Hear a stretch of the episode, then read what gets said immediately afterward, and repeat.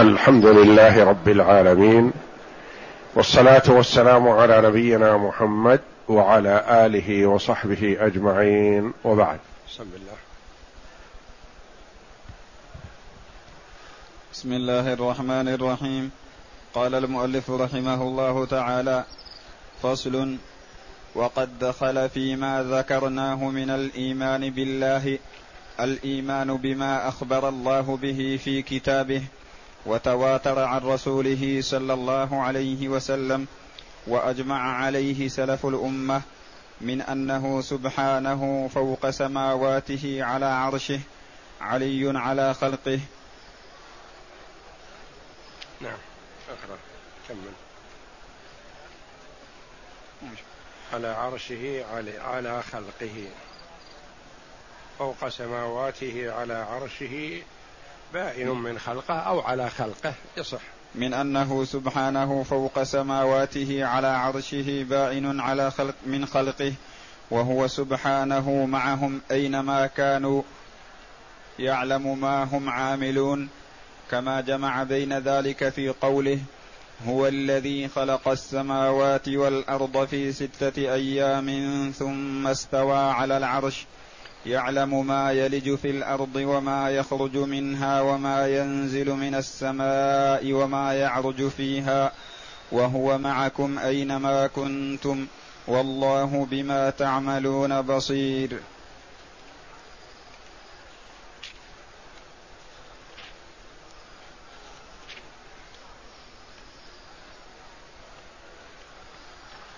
قول المؤلف شيخ الإسلام ابن تيمية رحمه الله تعالى في العقيدة الواسطية.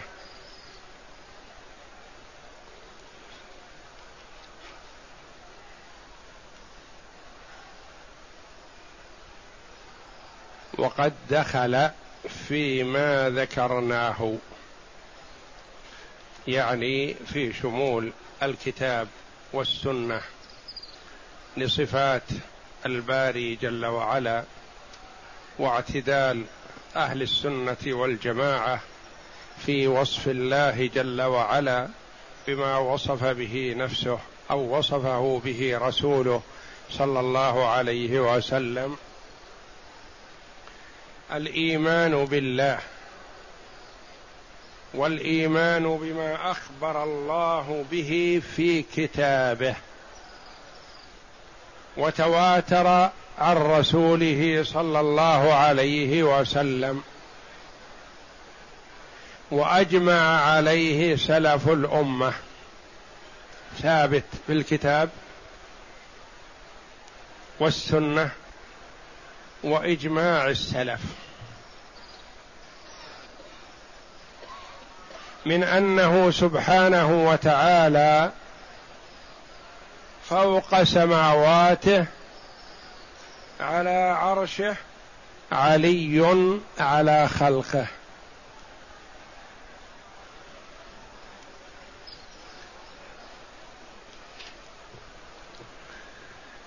فالمؤلف رحمه الله تعالى ذكر كثيرا من صفات الباري جل وعلا ودلل عليها بالكتاب أولا ثم بالسنة الصحيحة بعد ذلك. والآيات والأحاديث في إثبات صفة الباري جل وعلا واضحة جلية وكثيرة في كتاب الله وفي سنة رسول الله صلى الله عليه وسلم مما لا يدع شك لذي عقل. وهذه الصفات التي سيذكرها قد ذكرها فيما قبل. لكنه أراد رحمه الله أن يركز عليها بخصوصها لأنه قد يفهم بعض الناس فهما اوليا بأن فيها شيء من التناقض. معية وعلو. إن كان عالي فليس مع الخلق. وإن كان مع الخلق فليس بعالي. والحق أنهما صفتان ثابتتان لله جل وعلا. ولا تناقض بينهما. ولا يجوز لمسلم أن يخطر بباله أن صفات ربنا جل وعلا كصفات الخلق. صفات الخلق قد يتنافى صفة مع صفة مثلا قريب وبعيد قد ما يكون. معية وعلو قد لا يكون وقد يكون. لكن صفات الباري سبحانه وتعالى الحذر الحذر من أن يخطر على بال المسلم قياسها بصفات المخلوقين. لا. صفات الباري جل وعلا تليق به. وصفات المخلوق تليق به. ولا يستطيع المخلوق أن يحيط باب الاحاطه ولا يحيطون بشيء من علمه. ما يستطيع أن يحيط بصفة من صفات الباري جل وعلا. إذا تأمل القرآن وفهم ما فيه وسع كرسيه السماوات والأرض. تأمل. وسع كرسيه السماوات والأرض. الكرسي روي عن ابن عباس رضي الله عنهما أنه موضع القدمين. وقيل غير ذلك. لكنه مخلوق من مخلوقات الله تبارك وتعالى. وسع السماوات والأرض. هذه الأجرام العظام إذا ألقيت في الكرسي كسبعة دراهم ألقيت في ترس يعني صحن كبير. والكرسي نسبته للعرش كحلقة من حديد ألقيت في فلاة من الأرض.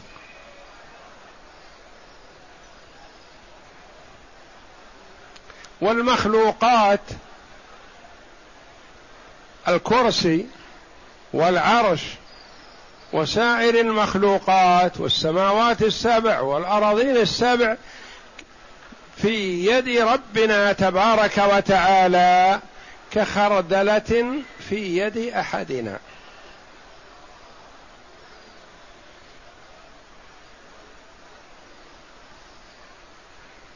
فعلى المؤمن أن يؤمن بعظمة الله جل وعلا. ولا يخطر على باله أن يحيط بصفة من صفاته أو يكيفها أو يدركها وإنما عليه أن يدرك المعنى. المعنى مدرك كما قال الإمام مالك رحمه الله وغيره من السلف. المعنى واضح جلي سميع يسمع بصير يبصر. لكن كيفية سمعه أو كيفية بصره هذا لا يحاط به.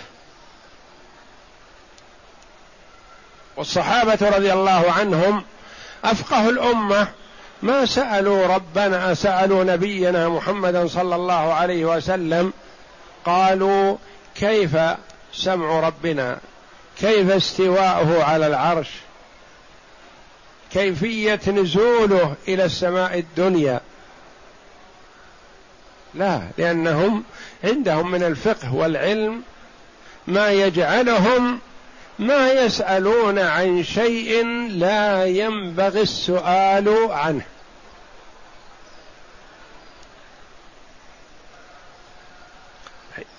السؤال اللي يسأل هذا القاصر. مثل مثلا صبي صغير ابن ست سنوات يسأل عن شيء ما. اللي أعلى منه مستوى أبو عشر سنوات واثنى عشر سنة. يقول ما يصلح السؤال هذا. فالصحابة رضي الله عنهم من فقههم وعلمهم وإدراكهم ما سألوا النبي صلى الله عليه وسلم عن شيء لا ينبغي السؤال عنه. ما يقال إنهم أحاطوا لا. وإنما فهموا رضي الله عنهم وأرضاهم وفهموا أن مثل هذا ما يسأل عنه.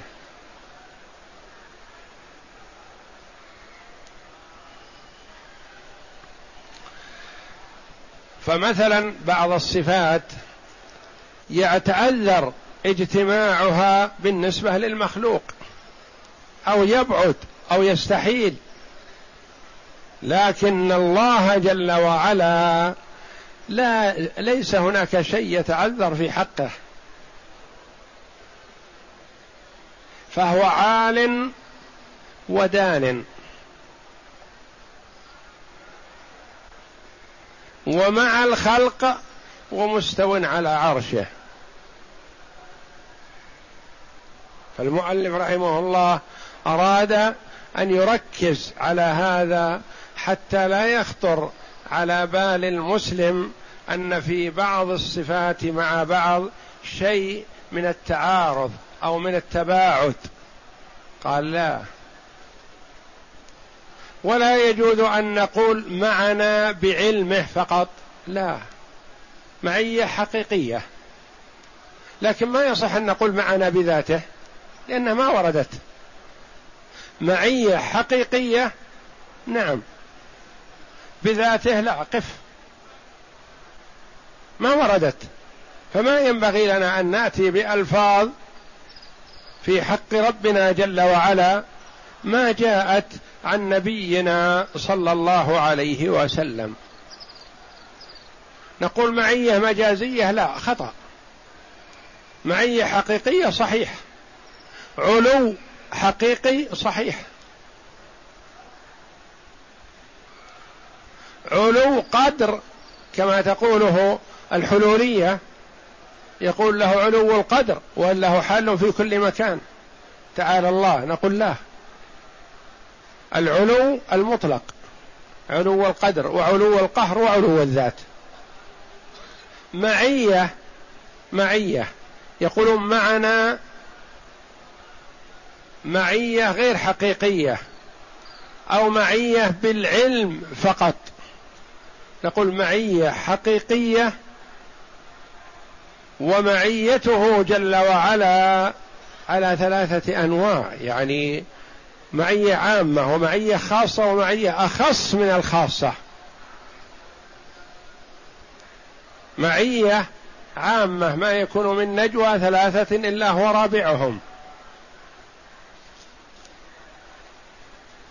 يعلم خائنة الأعين وما تخفي الصدور. هذه معية عامة. ثلاثة من كفار قريش مسلمة الفتح يتحدثون أمام الكعبة. فاستدعاهم النبي صلى الله عليه وسلم فقال ماذا تقولون؟ قالوا وماذا نقول؟ استحيوا من القول الذي قالوه. قال قلت يا فلان كذا وقلت يا فلان كذا وقلت يا فلان كذا وما عندهم أحد. وإنما جاء العلم من العالم الخبير جل وعلا.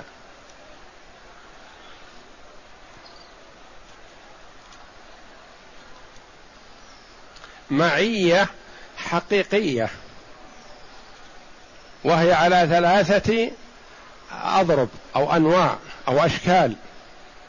معية عامة. إن الله مع إن ما يكون من نجوى ثلاثة إلا هو رابعهم ولا خمسة إلا هو سادسهم ولا أدنى من ذلك ولا أكثر إلا هو معهم. معية مجازية؟ لا. حقيقية؟ نعم. بذاته نقول ما ورد. قف. لا تقل شيء تأتي به من عندك وتجعله شرع. لا. الوارد على العين والرأس. ما ورد نقف يا أخي. لا تلزمني بشيء لم أقله ولم ألتزمه. أنا أثبت المعية وأقول إنها حقيقية لله تبارك وتعالى فليست مجازية. يقول هي معية بعلمه فقط أقول لا معية حقيقية. يقول بذاته معية بذاته أقول قف ما, ما أقول. أقول معية حقيقية مثل ما ورد في الكتاب والسنة ولا أزيد ولا أنقص.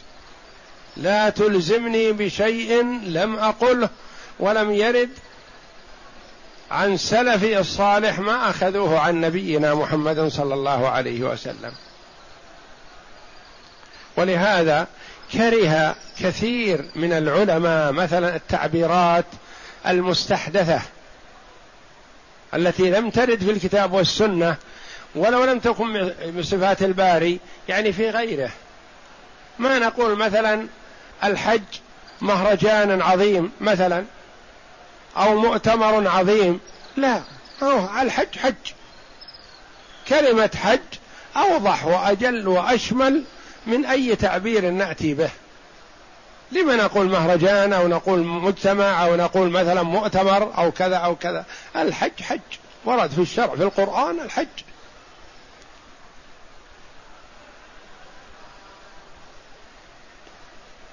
قلنا معية عامة ما يكون من نجوى ثلاثة إلا هو رابعهم ومعية خاصة خاصة إن الله مع الذين اتقوا والذين هم محسنون.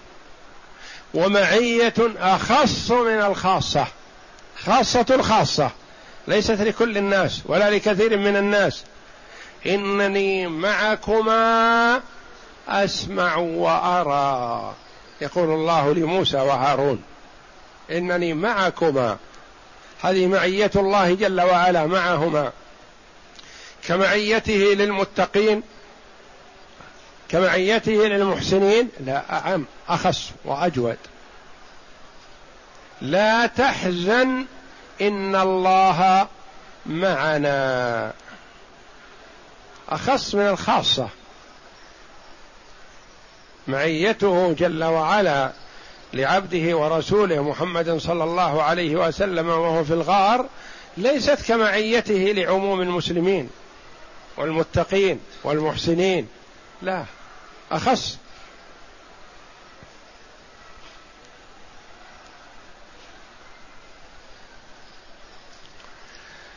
أجمع سلف الأمة. قد يقول وقائل مثلا وين إجماعهم؟ أين أجده في أي كتاب؟ نقول قرروا هذا وما وجد معارض. قرروا هذا وقالوا به وقرره من قرره ولم يعارض عليه أحد فيعتبر إجماع. لأنها لا تجتمع الأمة على ضلالة لو كان هذا ضلال ما اتفقوا عليه. ما سكت بعضهم. اللي قالوا قالوا لكن اللي سكتوا يدل على موافقتهم. لو لم يوافقوا ما سكتوا لأنها لا تجتمع الأمة على ضلالة. وقد دخل فيما ذكرناه من الإيمان بالله وملائكته وكتبه إلى آخره الإيمان بما أخبر الله به في كتابه وأخبر به رسوله. وأجمع عليه سلف الأمة من أنه سبحانه فوق سماواته علي على خلقه. وهو فوق سماواته بائن من خلقه فليس في حاجة إلى السماوات وليس في حاجة إلى الكرسي وليس في حاجة إلى العرش ولا تحويه هذه المخلوقات. فمعنى كلمة بائن من خلقه يعني ما تحويه. وليس مضطرا إليها كحاجة الإنسان إلى الكرسي اللي يجلس عليه. لو أزيل الكرسي من تحت سقط. بل هو جل وعلا يمسك السماوات والأرض أن تزولا. ولئن زالتا إن أمسكهما من أحد من بعد ما أحد يستطيع يمسكها. أحد يستطيع يرفع السماء؟ لو أراد الله جل وعلا سقوطها على الأرض وهي بكتفها مسيرة خمسمائة عام يستطيع أحد يمسكها؟ لو أقبل كوكب من السماء يسقط على الأرض يستطيع أحد من الخلق أن يمنعه ويتلقفه ويرده؟ لا.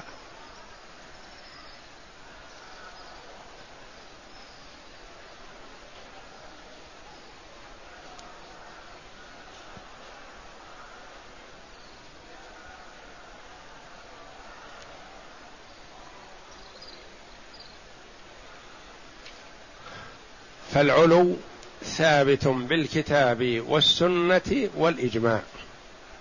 والمعية ثابتة بالكتاب والسنة والإجماع. ولا منافاة بينهما. إذا عرف أن السماوات والأرض والكرسي والعرش وجميع المخلوقات في كف الرحمن كخردلة في يد واحد من الخلق. تعالى الله. سبحانه وتعالى.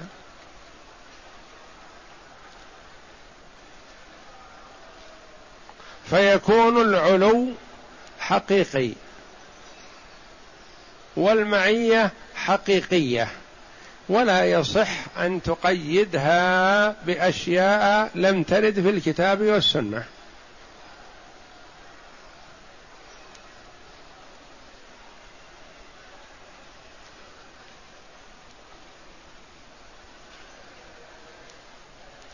ثم إن شيخ الإسلام رحمه الله يمثل يقول هذا القمر هذا القمر مخلوق من مخلوقات الله بل هو من أصغر المخلوقات في الكوكب في السماء. هو صغير بالنسبة للمخلوقات العلوية. وهو مع المقيم هنا ومع المسافر في أي مكان. ومع المقيم في سائر البلدان. كل يشاهده. وكل يقول جلسنا والقمر معنا. جلسنا في مكة والقمر معنا. جلسنا في بطحاء مكة والقمر معنا. والآخرون يقولون ذلك في أقاصي الدنيا وأدناها.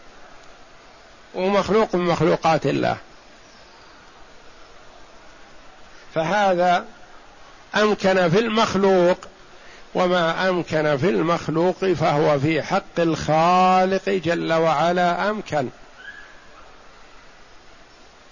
ويحذر المؤلف رحمه الله من أن يقع في البال أن صفة من صفات الله جل وعلا تشابه أو تماثل أو يجرى عليها ما يجرى على صفات المخلوق. قد سمع الله قول التي تجادلك في زوجها وتشتكي إلى الله. عائشة معهم في نفس الغرفة في نفس الحجرة. تقول يخفى علي بعض كلامها وهي تتكلم مع النبي صلى الله عليه وسلم متأثرة في مظاهرة زوجها منها.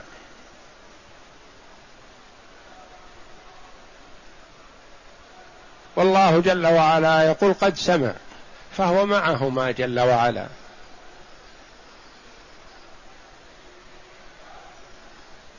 ويرى ويسمع دبيب النملة السوداء على الصخرة الصماء في ظلمة الليل.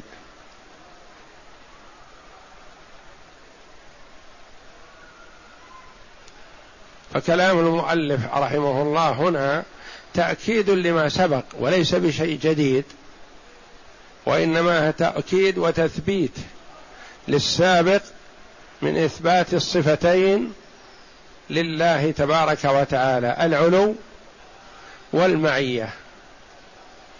ولا منافاة بينهما أبدا. وإنما تحصل المنافاة في فكر الإنسان إذا قاس صفات الله على صفات الخلق.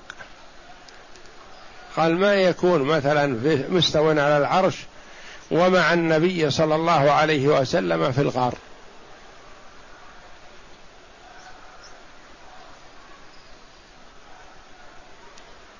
المعية مع النبي صلى الله عليه وسلم يقول مجازية نقول لا معية حقيقية.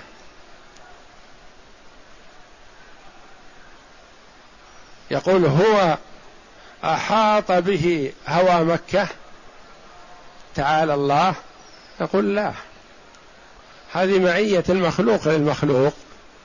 وقد تكون معية المخلوق للمخلوق بغير هذا الشكل بعد. يقال فلان زوجته معه. أو طلقها. يقول لا معه. زوجته معه. وهو هنا والزوجة في أقاصي الدنيا ويقال معه.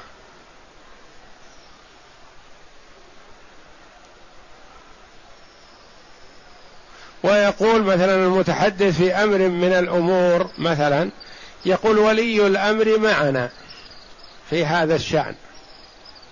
ولي الأمر في مكان بعيد. يقول معنا. معهم مجاز؟ لا.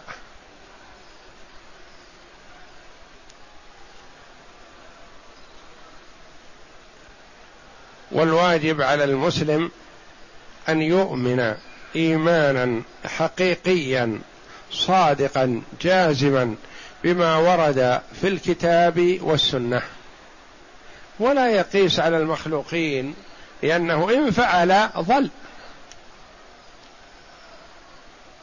أو بدأ يعمل فكرة كيف يكون هذا؟ مثل ما يقول بعض الجهال مثلا كيف يكون ينزل ربنا جل وعلا حين يبقى ثلث الليل الآخر؟ ثلث الليل الآخر في مكة يختلف عنه في الرياض. ثلث الليل الآخر في الرياض يختلف عنه في الشام ومصر. ثلث الليل الآخر في الشام ومصر يختلف عنه في أوروبا وأمريكا وغيرها. نقول قولك هذا فيه قياس أنك قست الله جل وعلا بخلقه ولا يليق. ثبت في السنة الصحيحة أن ربنا جل وعلا ينزل حين يبقى ثلث الليل الآخر إلى سماء الدنيا فينادي. نؤمن بهذا ونفهم معناه. ولا نقول نمره كما جاء ولا نفتش فيه لا. معناه واضح حقيقي. لكن الخلل يأتي للإنسان إذا فكر أن صفة الله كصفة الخلق. هلك. واستحال عليه الأمر. يقول كيف؟ ثلث الليل يستمر. كل 24 ساعة ما من وقت من هال 24 ساعة إلا وفيه ثلث الليل الآخر. قل إذا قست صفات الباري بأفعال خلقه هلكت. وإنما عليك الإيمان بما ورد في كتاب الله أو ورد في سنة رسول الله صلى الله عليه وسلم الصحيحة الصريحة. ما ورد في كتاب الله نؤمن به كله. ما ورد في سنة رسول الله علينا التثبت أنها سنة صحيحة. فعلى العين والرأس. وإلا فقد يقال عن رسول الله صلى الله عليه وسلم ما لم يقل. ولا يلزمنا أن نؤمن به. كما قال أبو بكر رضي الله عنه لما قيل له ما تقول في صاحبك؟ يزعم أنه ذهب إلى بيت المقدس وصلى هناك وعرج به إلى السماوات العلى وعاد في نفس الليلة وبات في مبيته. ماذا قال؟ قال صحيح أو خطأ؟ لا. قال إن كان قاله فقد صدق.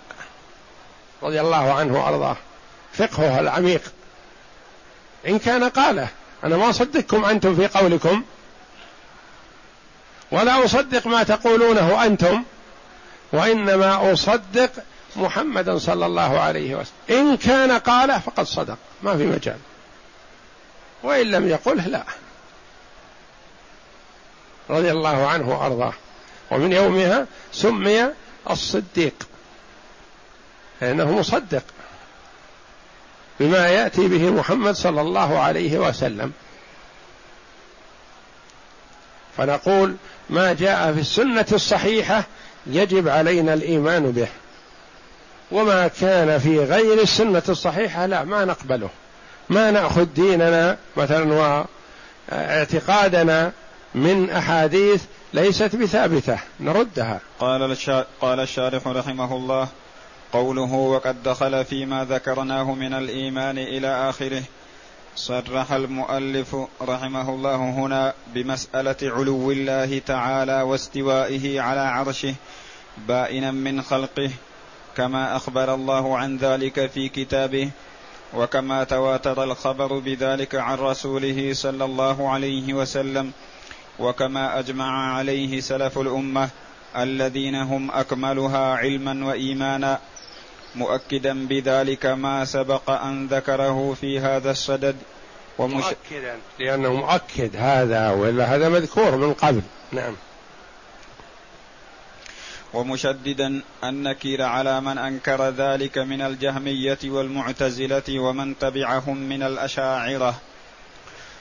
ثم بين أن استواءه على عرشه لا ينافي معيته وقربه من خلقه فإن المعية ليس معناها الاختلاط والمجاورة الحسية.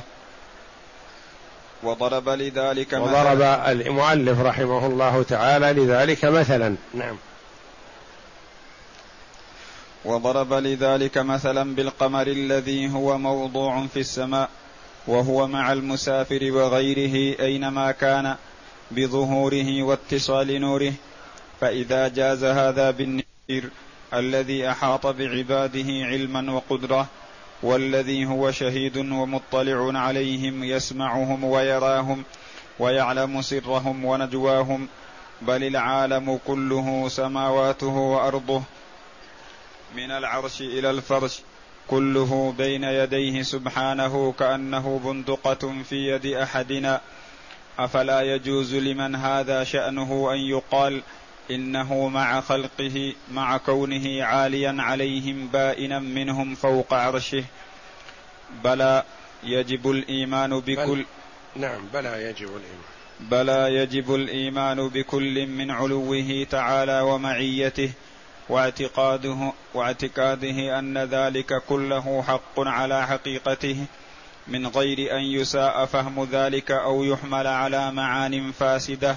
يحمل على معان فاسدة كمعية الاختلاط مثلا أو يأتي ب يظن أنه مع الهوى مع كذا تعالى الله.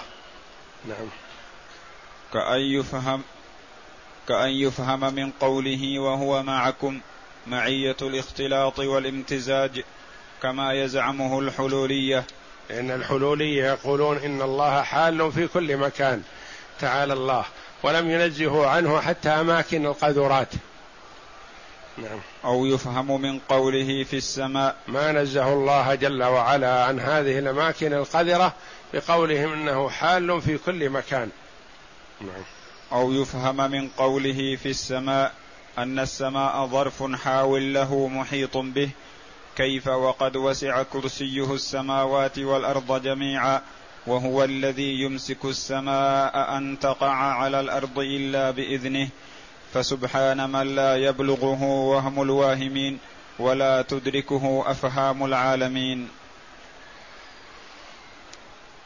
والله أعلم وصلى الله وسلم وبارك على عبده ورسول نبينا محمد وعلى آله وصحبه أجمعين.